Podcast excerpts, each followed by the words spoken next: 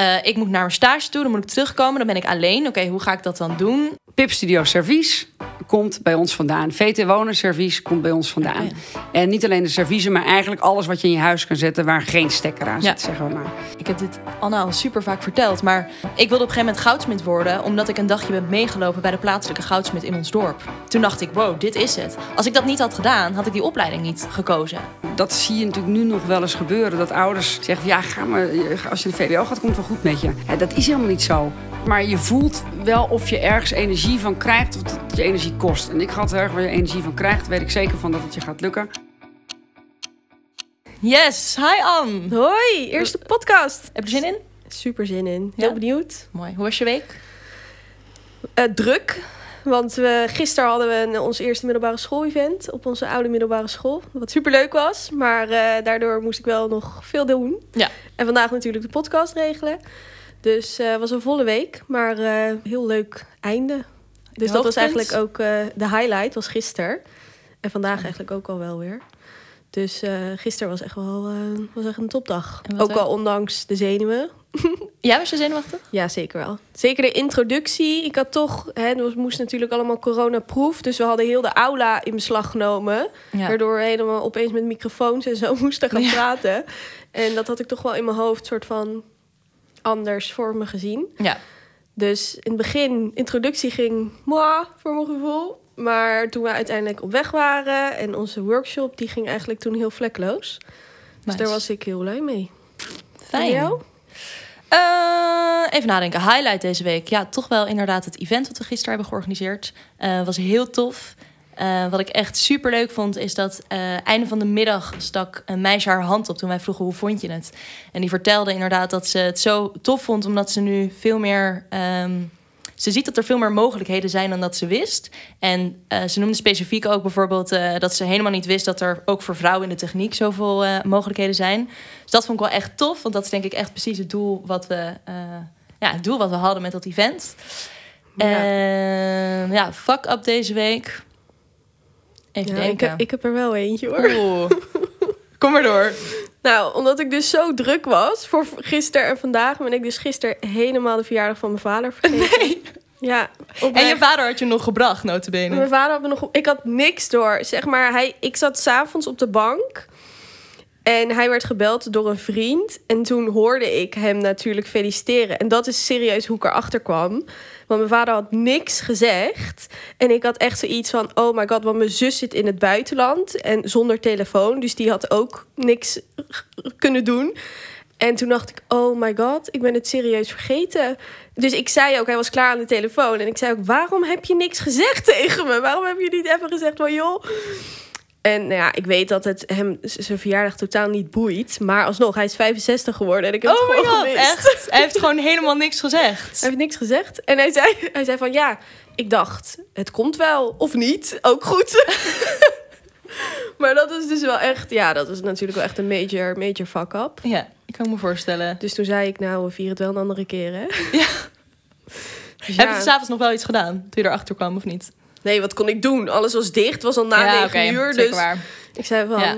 ik gaf hem een knuffel. En ik moest eigenlijk ook Oh. nog wel een beetje Ja. huilen. Omdat ik dacht, ik, vind, ik vond het zelf zo lullig. Dus ja. Oh, wat erg. ja. Ja, dat was wel even, even, even een minpunt. Ja, ik kan me voorstellen. Maar hij zei van, ja, je was ook zo druk met alles. Dus... En hij, boeit, hij geeft zo weinig waarde aan verjaardagen. Dus ja, Nou ja. Ik heb een, gelukkig een eh vergevingsgezind, zeg je dat dan? Eh, vader. Ja, vergevingsgezind. Ja, Ja, ja, ja. nou, dat. Maar zullen we maar... eh, ja, ik heb dus niet echt een heel erg een fuck-up. Nou, niet niet zo'n specifieke fuck-up als wat jij hebt. Ik moet wel zeggen dat ik woon in een huis met twee vriendinnen. En ehm, op een gegeven moment gaat je cyclus gaat zich dus aanpassen aan elkaar. Dus wij zijn met z'n drieën ongesteld. Gezellig. Dus gisteravond kwam ik thuis en dan, ehm, nou ja, dan is dus de wc-papier op. Alle prullenbakjes zitten vol. Iedereen is chagrijnig. Nou Ja, dat, dat is ja. wel echt de sfeer die je wil hebben dat in is huis. echt top. Ja. Ja, ja, dus dat noemen we dan maar even de fuck-up deze Ja, week. dat- is wat minder, ja. Maar goed, ehm, Ja, ja, eigenlijk gaan we dus iedere week gaan we, hebben, nodigen we iemand uit. En eigenlijk aan de hand van een specifiek onderwerp. ja En zeker. waar gaan we het deze week over hebben? Ondernemerschap. En we zitten dus ook niet alleen aan tafel. Want we hebben namelijk Margriet aan tafel. En zij is een keiharde ondernemer. Dus die gaat ons alles vertellen over haar ondernemerschap. En kunnen wij al onze vragen kwijt bij haar. Dus welkom Margriet. Hoe gaat het met je? Heel goed, dankjewel. Leuk om hier te zijn. En nu al leuk om de energie mee te krijgen die jullie hebben. Tof, Fijn. tof dat je er bent. Ehm, voordat we beginnen en voordat we je beter gaan leren kennen, hebben we eh, eigenlijk een soort speedronde met dilemma-vragen. Dus die ga ik je eerst eventjes voorleggen. Het zijn hele korte dilemma's en ehm, ja, je moet, je moet kiezen. Daar gaan we. Ehm, helikopterview of oog voor detail? Helikopterview. Hakken of sneakers? Sneakers. Liever voor jezelf werken of voor een baas? Lastig. Liever voor mezelf werken. Daar kom ik straks op terug. Liever te druk of verveeld? Liever te druk. En liever sneller kunnen typen of sneller kunnen lezen? Sneller kunnen typen. Ja, dat is ook wel echt prettig. Ja. Zou ik ook fijn vinden. veel voordelen uit hoor. Ja, maar als je, als je snel kan lezen, kan je ook zoveel informatie tot je nemen. Dat is ook wel chill hoor. Want ik ben, ja, ik ben dyslectisch, Ja, dus ja, ik lees een boek echt als een slak. Ja. Dat zou ik ook wel fijn vinden. Ja, ik kan me voorstellen. Ehm, we hebben je net al eventjes kort voorgesteld, maar heel kort. Dus misschien kan je jezelf even wat beter voorstellen. Ja, zal ik doen. Ik ben Margriet Timmerman. Ik eh, ben 47 jaar, moeder van twee prachtige dochters van 7 en 5, Janna en Silke, en vrouw van Jan. Woon in Heemstede, dus wij hebben ons gezinnetje eh, daar.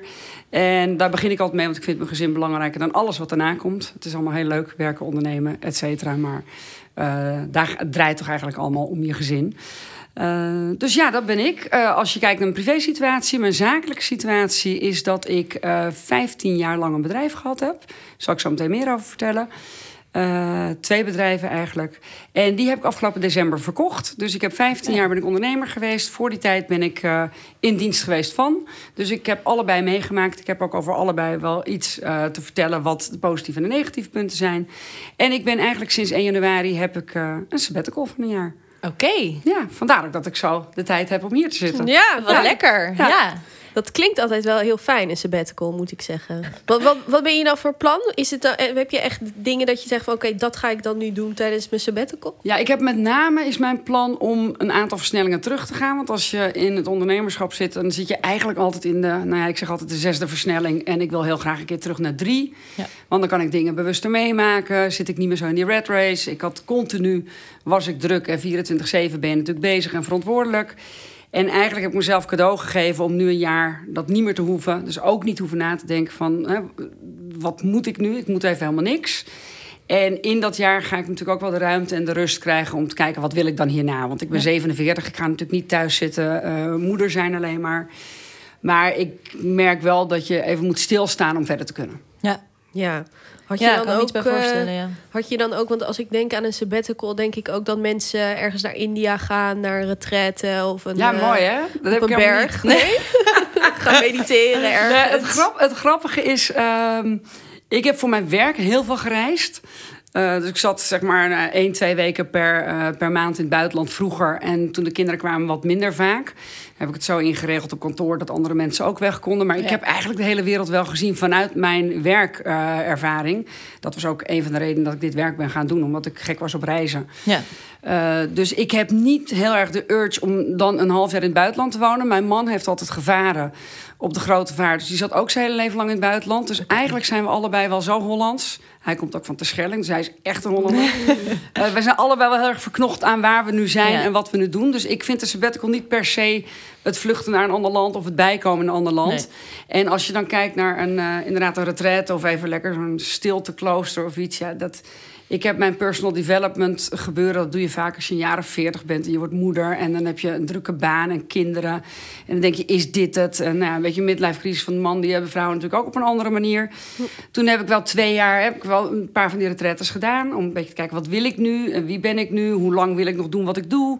Gewoon even stilstaan bij, hè, waar sta ik? En wat is nou mijn doel voor de komende 15 jaar of 10 jaar? Ja. Ja. Eh, dus dat heb ik allemaal gehad. En daar is ook het voortgekomen waar ik nu sta. Dat ik dus en geen bedrijf meer heb en een sabbatical heb. Wat voor bedrijf had je?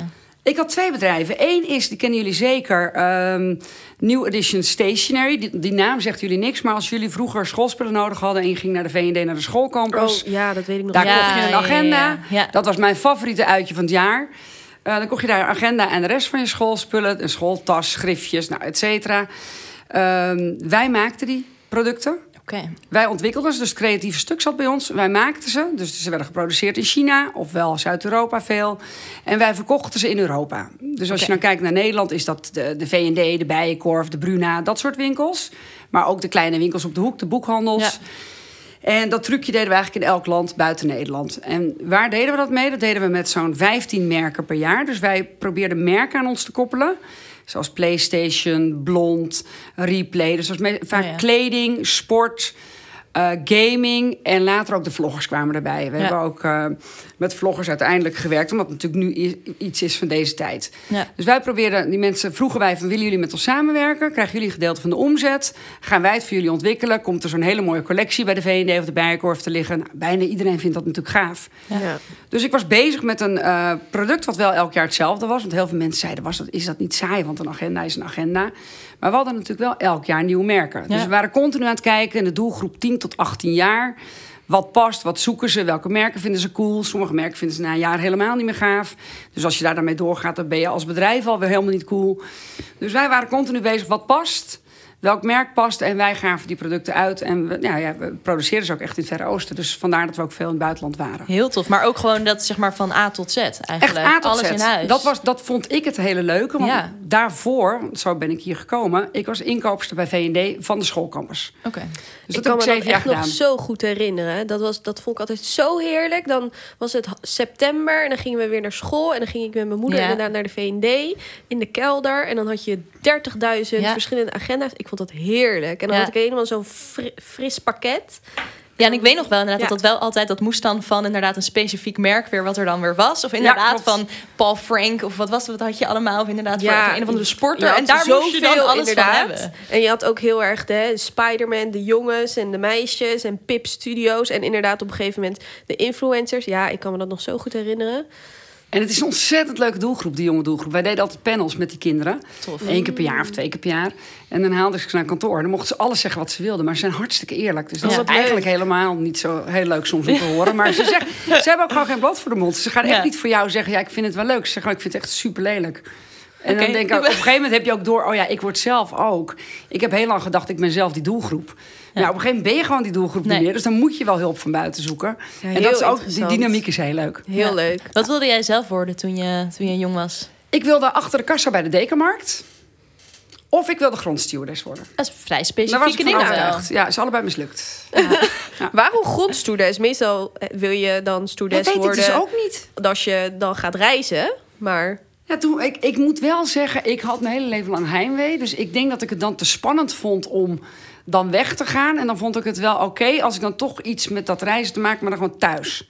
ja, en daarna ja. heb ik natuurlijk, toen ik van die heimwee af was en ik ben gaan studeren en ik ben deze baan gaan doen, was ik bijna altijd in het buitenland. Dus ik heb het toch ergens. Ik heb om mijn 21ste jaar in Amerika gewoond voor mijn studie. En daar is eigenlijk de boel om gaan draaien. Toen dacht ik van, dit is zo leuk. Ja. En toen dacht ik, ik wil meer van de wereld zien. Dus ergens had ik zoiets van, ik, ik wilde wat mee, maar ik durfde het eerst niet. En als je jong bent, heb je natuurlijk toch zoiets, ja, weet je, kan ik dit wel, wil ik het wel, durf ik het wel? Ja. En ik heb een studie gekozen. Ik heb in Haarlem gestudeerd, HO, International Business. Mhm. En in die studie zat een jaar buitenland. Dus dan is het toch een beetje veilig. Ja. Je, je bent aan het studeren en zij regelen een school voor je. Je wordt een jaar uitgezonden. Dus dat was een beetje de oké manier dat je door iemand onder je hoede werd genomen. En je ging wel gewoon de wijde wereld in. Ja. Ja. En dat is voor mij echt een, een, een soort omslagpunt geweest. En vanuit daar vond, heb ik gewoon heel veel ontdekt. En wat Ja. studeerde je dan in Amerika? Hetzelfde. Oké, dus ja, het was dus gewoon echt een een- uitwisselingsprogramma was het. dat is echt Ah, heel tof. waar in Amerika? In Pennsylvania. Oh, je had zes plekken waar je uit mocht kiezen. En dat, ze deden net alsof... Ja, dat was ook wel een beetje zo. En ik had zoiets, als ik dan toch ga... wil ik met zo min mogelijk Nederlanders. Want je had ook plekken, er zaten gewoon twintig Nederlanders van onze school. Ik zeg, ja, daar ga je het nog steeds niet meemaken. Dus ik had wel verzonnen... als ik het doe, ga ik gewoon in een heel klein plaatsje... waar niemand van mijn school heen wil... Ja, en dat is tof, want dan heb je gelijk binnen no time contact met al die mensen die daar studeren, die uit Amerika komen. En met zo'n groep met allemaal andere internationale studenten. En het lijkt heel spannend, en dat is het ook. Maar ja, dat is ook de rode draad van eigenlijk mijn hele leven. Je moet gewoon dingen durven en doen. Ja. En dan zie je wel of het, hè, waar het je brengt. Heb en je daar- eigenlijk brengt het je altijd wel ergens. Oh, sorry. Maar heb je ook nog specifieke dingen geleerd toen je in, je- in de tijd dat je in het buitenland woonde? Ik ben, heel, ik ben daar eigenlijk zelfstandig geworden. Waar je best wel lang denkt van ik heb, ik heb mijn ouders nodig, wat die ergens van vinden. Of ik, hè, dat, je, dat je altijd maar daaraan blijft leunen. Ook omdat Ja. je thuis woont. En ook omdat je natuurlijk nog jong bent. En dan kom je er eigenlijk achter dat je het allemaal zelf wel kan. Want het is allemaal niet heel ingewikkeld. En daar moet je wel. Eh, Nee. En dan zie je, joh, iedereen helpt elkaar. Je bent nooit alleen als je maar om hulp vraagt. Ja. En ik heb echt hele grote stappen daar gezet. Ik heb ook nu gezegd, als ik ooit één jaar uit mijn leven over mag doen... of als ik, het mijn, kind, als ik mijn kinderen iets gun, Ja, dan is het dat jaar. tof. Dat is echt gek. Ja, maar volgens mij moet je soms ook echt eventjes los van alles en van je omgeving en van zeg maar je veilige kring om inderdaad weer even, hè, want inderdaad wat je zegt, dan leer je pas echt om het dat je het ook gewoon alleen kan. Ja, Ja, en anders blijf je toch soort van leunen op dat vangnet misschien. Ja, heb jij natuurlijk ook gehad. Je bent naar, het is wel dichterbij, bij Antwerpen. Ja, dichterbij, maar wel inderdaad een beetje hetzelfde. Ja. Ja. hetzelfde ook. Dat je dan in één keer leert van, oké, eh, ik moet koken. Oké, Eh, ik moet naar mijn stage toe, dan moet ik terugkomen, dan ben ik alleen. Oké, hoe ga ik dat dan doen? Eh, waar ga ik dan heen? Dus het zijn inderdaad wel, dat zijn wel ja, grote dingen die je leert. En dat leer je inderdaad wel echt door gewoon maar te doen. Ja. Absoluut. Ja. En dan maakt locatie ook niet uit. Hè? Nee. Het is gewoon weg. En dan is die grens Ja. wel handig. Maar of het nou Antwerpen is of New York is, dat maakt niet uit. Het gaat Nee. erom dat je gewoon zelfstandig eh, je ding gaat doen. ja. En ik kom ook, ook uit een redelijk beschermd gezin. En uit een heel beschermd klein dorpje. Dus daar werd allemaal voor elkaar gezorgd. En iedereen wist alles van elkaar. Dus ja, dan is het misschien nog wel een extra grote stap... dat je opeens de wijde wereld ingaat. Ja, Ja. dat kan ik me voorstellen. En toen ben je dus op een gegeven moment gaan werken bij V&D. Ja, ik ben na mijn studie dacht ik, oké, en nu? Want ik had dus, ik wist dus helemaal niet wat ik wilde studeren toen ik van de HAVO afkwam. Ik dacht, ja, wat zal ik eens gaan doen? En toen had ik verzonnen, ik ga naar de HAO in Haarlem. Want ik was één keer uit geweest in Haarlem. En dat vond ik wel gezellig. Toen dacht ik, nou, dat lijkt me wel een leuke stad. Ga ik studeren, wat hebben ze daar? En ik wist dat ik een jaar naar het buitenland wilde. Ja. Dus die twee dingen gecombineerd, kwam ik daar uit. En toen zei mijn vader van, nou, we gaan helemaal niet naar Haarlem. En je gaat ook niet naar de HAO, want je hebt net je HAVO af en je bent 16. Dus ga eerst maar wat anders doen. Dus het lijkt me handig dat je dan schroevers of iets, zoiets Nou ja, gaat ja. uitzoeken. Want dan heb je een mooi stapje naar zo'n HAO. Dat kan nooit kwaad. Nou ja, dat was in Amsterdam. Ik dacht, nou ja, als ik dan toch wat anders moet doen... Ja. dan ga ik wel naar Amsterdam. Dus ik heb schroevers eerste jaar gedaan. Wat is dat? Dat is een uh, secretaresseopleiding. Oh, oké. Ja, dat deden mensen vroeger. Mijn moeder heeft dat bijvoorbeeld gedaan. Dus dat is, heel, vroeger was het heel normaal dat je dan dat ging doen. En dan heel vroeger ging je ook gewoon met die studie wat doen. Want je ging niet studeren als vrouw. En in mijn geval was het meer van... kijk even of je zo'n HAO wel aan kan. Is dat niet te hoog gegrepen? Want ik kom uit een gezin waar je nooit boven je macht moet werken... maar liever HAVO in plaats van VWO. En dan zie je daarna wel verder. Ja. Daar ben ik achteraf heel blij mee. Toen heb ik die schroevers gedaan. En toen dacht ik, ja, oké, nu ben ik 18, nu mag ik naar Haarlem. Toen heb ik dat gedaan. Dus toen ben ik daar gaan studeren. En toen was ik klaar met mijn studie. En toen dacht ik, oké, die studie, dat is inderdaad wel belangrijk. Maar je gaat het echt pas leren in de praktijk. En je weet niet wat je wilt als je 17 bent. Nee. Dus die international business, commerciële economie is zo breed... dat je in ieder geval ergens iets commercieels kan gaan doen. En dat zat wel in me, want ik kom uit een ondernemersgezin. Dus ik wist wel, dat vind ik wel leuk, dat ligt me wel. Ja. En toen ben ik gewoon gaan kijken welke bedrijven vind ik leuk, waar kom ik graag, Eh, wat vind ik leuk, welke producten vind ik leuk. Ik was er wel achter gekomen dat ik een tastbaar product echt interessant vind. En niet een dienst, dat leer je, daar kom je vanzelf wel achter. En toen heb ik gewoon eh, twintig sollicitatiebrieven geschreven naar de IKEA, naar de Bijenkorf, naar de V&D en naar de HEMA. Nou ja, toen had ik natuurlijk 19 afwijzingen. en bij één iemand mocht ik op gesprek. Oh ja, en bij Ajax, want ik was Ajax-fan, heb ik ook nog gesolliciteerd, mocht ik ook op gesprek. Toen ben ik bij eh V&D op gesprek gegaan en toen mocht ik daar beginnen. Cool. Als junior natuurlijk, maar dat is helemaal niet erg. En Ja. daar heb ik eigenlijk onwijs veel geleerd. Alles wat ik later in mijn werkende ondernemende leven heb, heb gedaan... heb ik eigenlijk geleerd in die eerste zeven jaar bij V&D. Want daar kom je in een heel groot bedrijf... en je bent natuurlijk zo'n heel klein meisje... En eh, ja, daar komen alle facetten van het vak komen voorbij. Ja. En vanuit daar ga je dan, bij mij na zeven jaar, ga je kijken, ja, wat is de volgende stap? Ik heb altijd, ik denk dat meer mensen dat hebben. Ik heb wat van die zeven jaar fases. Dat ik dingen leuk, interessant vind. En dan moet er wel wat gebeuren. Ofwel. De seven year itch. Is Ja. dat Ja, is serieus. Dat in, in mijn hele werkende leven is er elke zeven jaar best wel iets groots gebeurd. Oké. Waardoor ik weer nieuwe energie kreeg om, om weer zeven jaar vooruit te kunnen. Zijn we al bij zeven jaar? Misschien komt er binnenkort bij ons ook iets groots. Nou, eh, als ik erop terugdenk, eh, zeven jaar geleden zijn wij van Dalton afgegaan van middelbare school. En ik Oh ja, nu- dat is waar. Dus, Dus dat is inderdaad ik heb nu wel oprecht het idee dat ehm, mijn werkende leven begint nu, soort van. Ja, Dat volwassen, dat, hè, dat studeren is nu voorbij. Ja. Dus ik heb nu wel een beetje het idee dat in, inderdaad in Ja, transitie eh, zit. Maar ja, ja jij, bent nog, jij bent nog op school, dus misschien komt dat later. komt later misschien. Nou. Maar ik heb ook nog bij de V&D gewerkt. Op de damesafdeling toen ik 16 was. Oh ja, kijk. dat, dat is waar ook. In Dat Leidse was mijn- Hagen, mijn toch? eerste retailbaantje. Nee, reis. Of nee, in de stad. Gewoon Oh, in de Den stad Haag. is dat. Ja. En daarna ging niet heel veel. Daarna gingen ze, gingen ze natuurlijk weg. Ja. Maar eh, dat was mijn eerste retailbaantje. Hoe lang was dat geleden toen je eh, daar werkte? 15 jaar geleden. Oké. Dus de eerste zeven jaar van mijn werk heb ik daar gezeten. En toen ben ik, hoe ben ik hier terecht gekomen? Eh een van mijn leveranciers, mijn grootste leverancier van de schoolspullen, die had zes mensen in dienst. En die zei: Joh, ga jij dit nog tien jaar doen? Ja. Of ga jij eh, de komende tien jaar eens wat anders doen? Want ik zoek wel iemand die dit met mij samen groter wil maken. Dus eigenlijk zoek ik een partner in het ondernemerschap en kunnen we dat niet samen doen. Toen dacht ik, oh, dat is op zich natuurlijk wel interessant. Want Ja. ik had ook niet zoiets, ik ga twintig jaar bij V&D zitten. Want ik, dat, wat overigens wel heel veel mensen deden, want dat is veilig. Ja. Eh, maar zo'n type ben ik niet. Dus ik dacht, nou, ik ga ervoor, ik ga het doen. Dus toen ben ik bij hem ben ik gaan werken. Toen heb ik wel gezegd, ik word geen partner. Eh, want hij was natuurlijk, ik was zijn grootste klant. Dus hij was wat poeslief tegen mij. Dus ik had zoiets, nou, eerst maar eens kijken hoe dat gaat een jaar. En dan kijken we daarna wel verder. Ja. En dat ging eigenlijk supergoed. Dus een jaar later heb ik eh, de, aandelen, de helft van de aandelen overgenomen. En vier jaar later het hele bedrijf. En dat is ondertussen tien jaar geleden.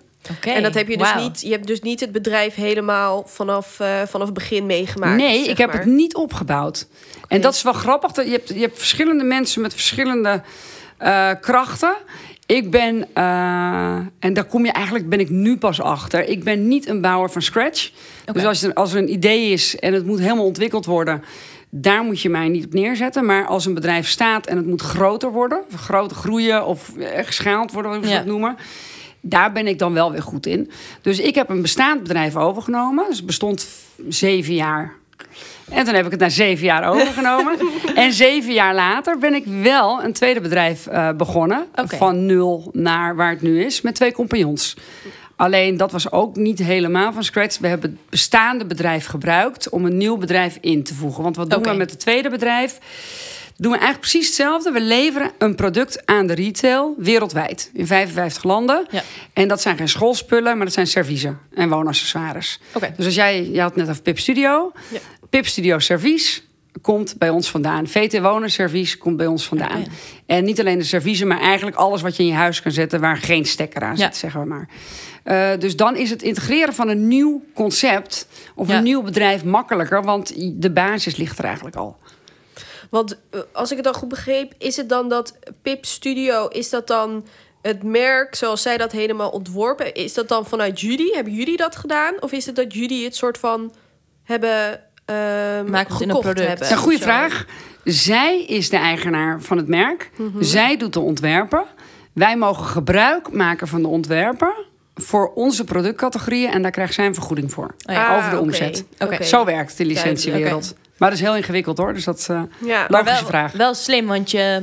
ehm, klinkt stom, maar je laat hun eigenlijk natuurlijk de ontwerpen Ja, maken. want wij kunnen Zij- niet ontwerpen. Nee, je zorgt Nee. alleen voor dat het op een product komt. Ja. Eh, maar het, het hele, inderdaad, het verkopen van een merk, dat... Zij bouwen Ja, het merk. ja. En, zij bouwen het merk, want dat kunnen zij als geen ander, want zij zijn het merk. Ja. En zij doen de ontwikkeling, want wat is het belangrijkste in, in een merk bouwen is je creatie. Ja. Dus dat is wat zij doen. Maar jullie vormen het tot kopjes, bordjes, thee, dingen en allemaal dat soort Ja, dingen. wij zetten het op het juiste product. Wij weten welke producten zijn interessant in de markt. Welke producten zijn interessant voor Nederland, voor Duitsland, voor Brazilië. Eh, Het is heel specifiek per land eh, wat voor kopje en welke maat bordjes je moet, eh, nodig hebt. Dus dat regelen wij dan weer. En wij doen dan echt de productie en het leveren. Ah, Oké. ja, ja, ja. Dus wat wij, eh, wat, wat de kracht is van ons bedrijf en ook van mij als persoon, is focus. Focus op de dingen waar je goed in bent en laat alsjeblieft los waar je niet goed in bent of waar je geen lol in hebt. En dat waar je geen lol in hebt, dat is nu makkelijk gezegd, want ik heb mijn bedrijf verkocht na 15 jaar en ik heb echt niet altijd alleen maar gedaan wat ik leuk vond. Maar ik ben er wel van overtuigd dat als jij 80% van je tijd besteedt aan de dingen waar je energie van krijgt en waar je passie ligt, Ja. dat je dan zoveel verder komt. Ja. Dus wij deden binnen ons bedrijf, wij, er is een vergelijkbaar bedrijf die heeft 60 mensen in dienst. Wij hadden er 12. Oké. En die 12 mensen deden inkoop in China, met name in India, verkoop wereldwijd en ontwikkeling, dus de creatie samen met de merken. Dus we hadden drie takken van sport en op elke tak zaten vier mensen. Ja. En that's it. Al het andere vind ik niet leuk. Logistiek vind ik niet leuk. Financiën vind ik trouwens wel leuk, maar is niet mijn, niet mijn core business. Alle andere dingen, designers die we soms voor merken nodig hadden, omdat ze het zelf niet deden, die huurden we in. Dus we hadden wel heel veel mensen voor ons werken, maar niet bij ons op kantoor en niet op onze payroll. Ja. En dat betekent dat je bedrijf klein kunt houden en dan wel groot kunt worden. Er zijn genoeg bedrijven die zeggen: ik haal het allemaal wel in huis. En ik zeg niet dat dat minder succesvol is, maar mijn kracht ligt erin om een klein team aan te sturen. Wij zijn één keer zijn we van 12 naar 18 personen gegaan. Want we groeiden best wel hard in een paar jaar tijd. Toen hebben we een hele laag ertussen gezet met allemaal managers. Want ja. Ja. dat is makkelijk, want dan kan ik die helikopterview waar we het net over hadden houden. En dan kunnen andere mensen dat werk doen. En Ja. Dat werkte gewoon niet. Nee. Over de, wat is je grootste fout geweest in ondernemerschap? Dat je een beetje opportunistisch wordt. Dat je denkt, oh, hoe meer mensen, hoe groter. Opschalen. Ik werd daar ja. helemaal niet gelukkig van. En, en, en in die end gaat het om, waar word ik gelukkig van? Ik kan een bedrijf met 40 mensen neerzetten... of een bedrijf met 12 mensen... waar we allemaal gewoon lol hebben... en op vrijdagmiddag nog een biertje drinken... Ja. en gewoon aan de koffietafel of aan de lunchtafel onze bespreking houden. Ja, daar kies ik dan voor. Maar heel veel mensen gaan de mist in om dan wel meer te willen... en groter te willen. Maar ik ben er niet per se van dat groter beter is. Nee. en Ja. ik ben ook gelukkig met hoe het nu is. Ja, heel Ja, herkenbaar. Mijn, mijn vader is ook ondernemer en die heeft echt precies hetzelfde. Die zegt ook altijd van... Je hebt zo'n uitspraak over... eh, ik weet niet precies hoe die gaat, maar dat als bla bla bla een hekel aan je heeft, dan geeft hij je tien man personeel. Nou, die, zoiets gebruikt hij heel vaak om maar aan te geven dat inderdaad veel personeel ook heel veel gedoe geeft. Ja, ik wens je veel personeel. Ja, zo, dat is hem. Dat Ja. is hem. Dat is hem, ja.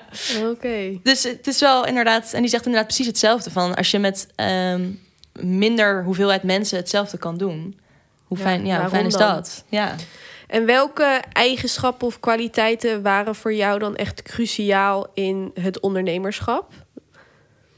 Het is heel belangrijk dat je eigenlijk ook waar, waar ik eerder over sprak tijdens de studie, is dat je dingen durft. Dat je er gewoon aangaat en je weet niet van tevoren of alles een succes is, maar dat ontdek je, dat ontdek je alleen als je het doet. Ja. Dus het is het durven, het is het doen. Het is ook wel echt commitment. Ik heb mezelf wel echt 24-7. Ik heb gezegd, ik ga hiervoor. Ik wil dat het gaat lukken. En het zal me lukken. Nou, ik geloof erin als je dat maar vaak genoeg tegen jezelf zegt, Ja. dat, dat dat ook wel kan. Maar je weet het gewoon nooit. Het is geen zekerheid. Het is zeker geen vrijheid, waar jullie het net over hadden. Want ik heb het heel. Want heel veel mensen worden ondernemer. Ja, want dan kan ik, ben heb ik vrijheid, kan ik mijn eigen tijd indelen. Je hebt helemaal geen vrijheid, want je bent gewoon 24 uur per dag verantwoordelijk voor je personeel, voor je product, voor je klant. Dus ik heb het helemaal nooit zo ervaren. Dus eh, als je denkt dat je daarom ondernemer moet worden, doe het vooral niet. Nee. Het is eh, bij mij met name gewoon mijn passie. Dat ik denk van ja, weet je, dit is wat ik wil en dit is wat ik kan. En eh, ik kan op deze manier bijdragen aan hè, een, een, een merk voor heel veel mensen, aan mooie producten voor heel veel mensen. Dus dat, eh, maar niet vanuit de drijfveer eh, rijk worden of vrij Nee. zijn of dat soort Nee, dingen. Nee. precies. En je noemde net ook al even van je moet ook gewoon dingen doen die je niet zo leuk vindt. Wat waren dat, wat waren dat bijvoorbeeld voor jou? Personeel. Ja, daar was ik nooit zo heel goed in. Personeelszaken, Eh, HR. Ja. nou ja, weet je, het is, ik ben echt een heel praktisch iemand. Dus eh, een hands-on. Als je mij zegt, Ja. doe dit, dan doe ik het. Of als je denkt, wil je meedenken, dan denk ik mee. En dan kom ik met praktische oplossingen. Dus dat vind ik leuk.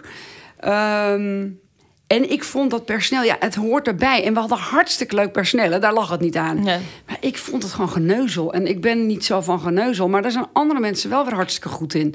Dus ik heb dat ook ingehuurd op een gegeven Ja. moment toen we groter werden. Ik had gewoon een HR-manager. Die kwam dan twee keer, eh, twee keer in de maand. En die ging dan die gesprekken voeren met mensen. Of ze wel of niet lekker in hun vel zaten. Of wat er aan de hand was. Of hoe we ze verder konden brengen. Ik was wel heel goed.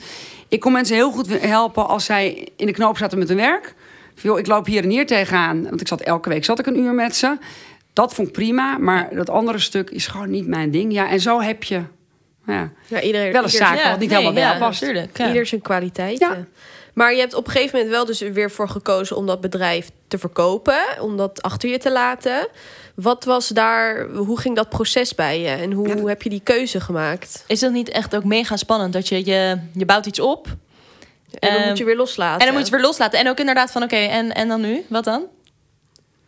Ja, dat is heel grappig. Heel veel mensen zeggen dat. Is dat heel, was het heel spannend of is het heel spannend? En wat ga je dan nu doen? Val je in dat welbekende zwarte gat? Nou, ik kan je Of vertellen... voel dat je ben het juist als vrijheid? Ja, Dat ik kan- heb dus nu mijn vrijheid die ik graag wilde. Oké. En ja. dat betekent niet dat ik dit nooit meer zou doen.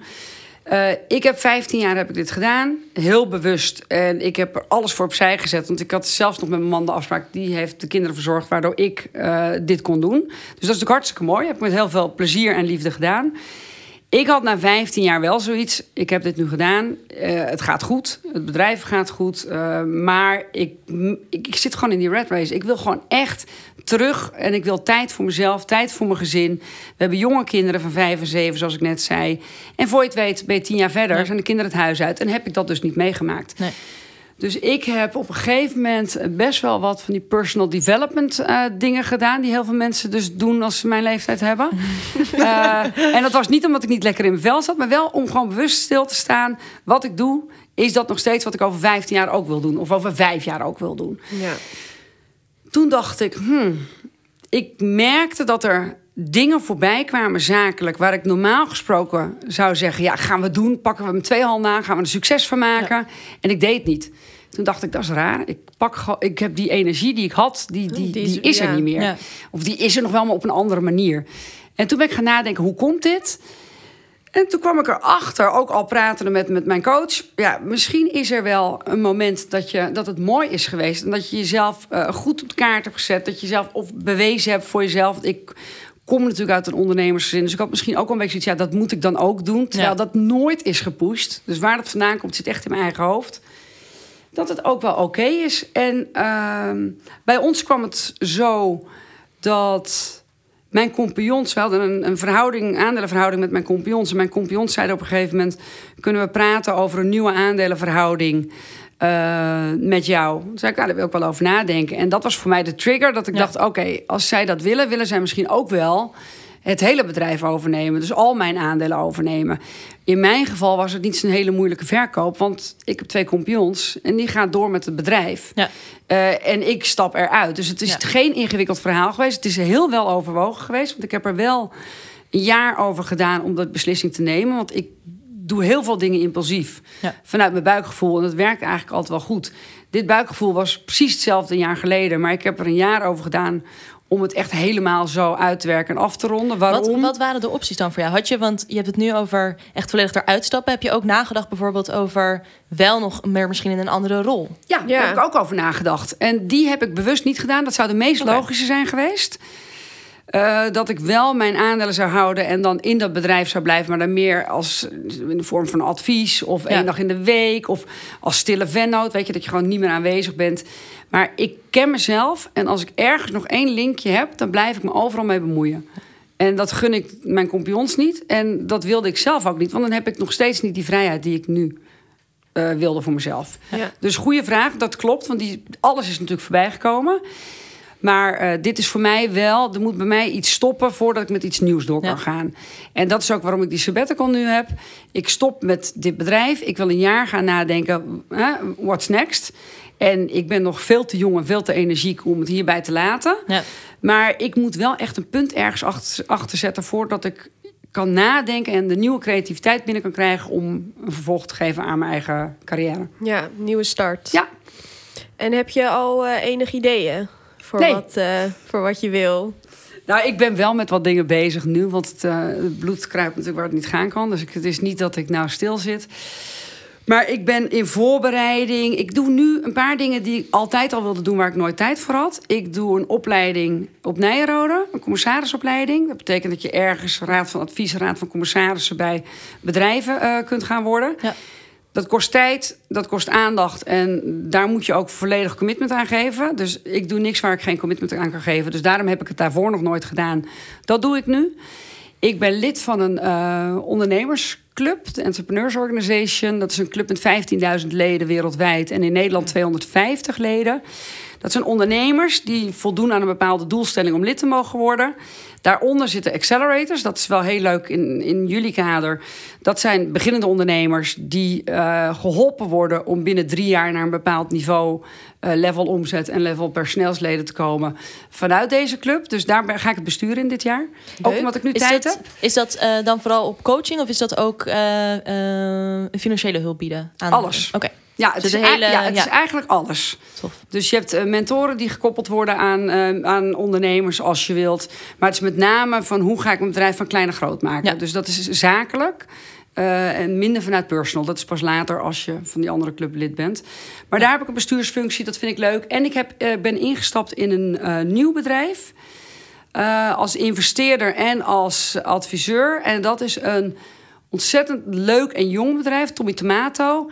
Zij voorzien in gezonde lunches voor basisscholen. Oké. En het is een impactbedrijf, hè, want iedereen is bezig met gezondheid. En met name die voeding van die kinderen Ja. is niet altijd even goed op orde. Zij hebben een ontzettend goed plan. Ze hebben nu uitgerold naar acht, de eerste acht scholen in Haarlem en omgeving. Maar de bedoeling is dat het groter Ja. in Nederland gaat. En wat ik daar doe, en dat is denk ik ook wel wat ik straks meer wil gaan doen, is echt één dag of een halve dag in de week uh, spreekbuis, adviseur. Kom een beetje vragen. Ja. En dan vanuit mijn ervaring kan ik jullie helpen. En met name ook netwerk inzetten. Je merkt toch dat je na zoveel jaar best wel een heel breed netwerk hebt. Dus voor elke vraag is wel een antwoord of een poppetje die het antwoord weet. Maar stilzitten, dat doe je Dat niet. doe je niet. Dat kan ik niet. Voor mij is het meer het uh, niet meer s'nachts wakker worden om vier uur met, een, met allemaal dingen in je hoofd. Van, oh, dat en dat en Ja. dat niet vergeten. Oh, en, dus het is, het is wel werken, maar zonder stress. Ja. En, Ja. en dingen doen, eh, wel overwogen keuzes die jij nu Ja. leuk vindt. En gewoon Ja. dat doen. Ehm, nu heb je dus je bedrijf verkocht. Maar als je nou even teruggaat naar het begin. Wat is nou echt jouw motivatie geweest ehm, om dit te gaan doen? Zeg maar, hoe ben je nou zover gekomen?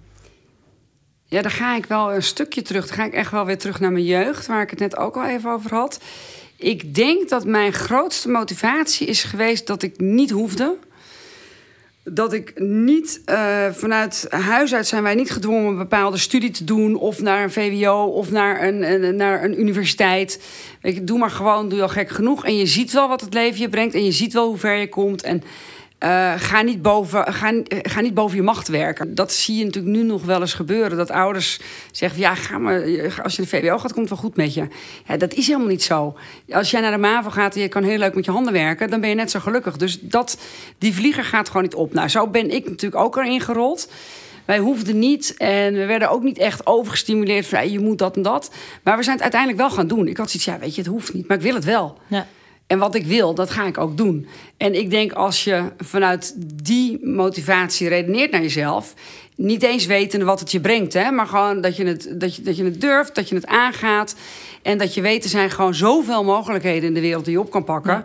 Maar pak ze ook op en doe er dan wat mee. En dat is wa waardoor ik. Uh, vanuit een werknemerspositie naar een werkgeverspositie ben gegaan. Ik was natuurlijk werknemer bij VND. Ik heb op een gegeven moment een bedrijf overgenomen. Niet omdat het moest, maar wel Ja. omdat ik mezelf wilde laten zien... van, nou ja, volgens mij kan ik het wel. Ik ga het gewoon proberen. Ja. Als het niet lukt, kan ik toch gewoon weer ergens gaan werken. Weet je, dat is natuurlijk ook zo. Ja, en- Sterker nog, ik denk dat ik nu, als ik volgend jaar ga beslissen wat ik ga doen... ik ga niet meer ondernemen, maar ik denk dat ik een tijdje gewoon als werknemer ergens ga werken... omdat ik dat ook leuk vind. Dus je hoeft niet Ja, wat alles. Wel grappig, inderdaad, dat juist dus die vrijheid zorgt natuurlijk ook voor dat de keuzes die je maakt ook echt jouw keuzes zijn. Inderdaad, echt jouw, eh, je eigen motivatie om dat te doen. Ja. En niet inderdaad een bepaalde druk die is opgelegd door een ander. En uiteindelijk is het jouw leven en zijn het jouw keuzes. En hoe moeilijk die keuzes soms ook zijn om te maken... door wat mensen vinden of willen dat je gaat doen... Uh, dat is natuurlijk hartstikke leuk, maar dat is niet per se de keuze die bij jou past. Wat, wat ik merk, wat ik nu veel doe met, uh, met, met scholieren doe... Ik laat ze heel vaak een dagje of twee dagen meelopen bij ons op kantoor. Want heel veel Ja. mensen weten niet wat ze willen. Als jij on the spot bent, als jij mag meelopen met iemand die in de techniek zit... of iemand die in de handel zit of iemand... Als je, er zijn legio bedrijven die daaraan mee willen werken. En pas dan, als je dan ziet wat er gebeurt... en je mag mee met een, met een inkoper naar zo'n gesprek met een leverancier... Dat, denk ik, echt, dat is echt de dag van hun leven. Voor ons is dat gesneden koek als, als, als, als bedrijven. Maar daardoor leren die kinderen zoveel. En daardoor kun je zoveel makkelijker een keus maken van... wil ik nou wel eh, creatief worden of wil ik nou commercieel... of wil ik de verkoop in? Want dat leer je op school niet. Dat moet je Nee. zien op de werkvloer. En ik denk dat daar wat wij als, als, als, als volgende generatie doen. Ik drink heel veel kopjes koffie met mensen, want ik vind het altijd gezellig en er komt altijd wat leuks uit. Nou, dat moeten kinderen eigenlijk ook gaan doen. Als je niet weet wat je wilt, ga zoveel mogelijk op, op speurtocht. Ja, Ja. En bel bedrijven en ga, daar, eh, ga ermee aan de slag. En ik denk dat daar nog wel een rol voor bedrijven ligt. In de koppeling naar de jongeren. Want daar zit een veel te grote kloof. De mensen weten niet hoe ze elkaar moeten contacten. En nou, ik dit denk is dat wel heel leuk. Want een, het eh, past, eh, dit is natuurlijk helemaal ook wat Lead Your Future wilt bereiken. Dat we inderdaad in die kloof zitten. En dat wij ook eh, zoveel mogelijk jongeren willen koppelen aan bedrijven. En dat ze Ja. bijvoorbeeld meeloopdagen kunnen organiseren. Ja, en vooral al eerder inderdaad. Want ehm, ik kan me ook goed herinneren, dus bij mezelf, dat ja, ik heb dit Anna al super vaak verteld, maar ehm, ik wilde op een gegeven moment goudsmid worden, omdat ik een dagje ben meegelopen bij de plaatselijke goudsmid in ons dorp. Toen dacht ik, wow, dit is het. Als ik dat niet had gedaan, had ik die opleiding niet eh, gekozen. Dus ik denk dat soort dingen zijn zo, leer je zoveel van. Ja. En je hebt al superveel mooie, waardevolle dingen gezegd in het eh, gesprek. Maar wat zou je, als we het een beetje gaan afronden, welk advies of welke tips zou je nog willen meegeven aan, eh, aan onze talenten en of aan jongere meiden? belangrijkste is, eh, volg je hart. Kijk wat je leuk vindt. Waar ligt je passie? En passie is altijd een heel breed woord. Maar je voelt wel of je ergens energie van krijgt. Of dat je energie kost. En ik het erg waar je energie van krijgt. Weet ik zeker van dat het je gaat lukken. Eh, durf het te doen. Doe het. Zoek elkaar op. Doe het samen.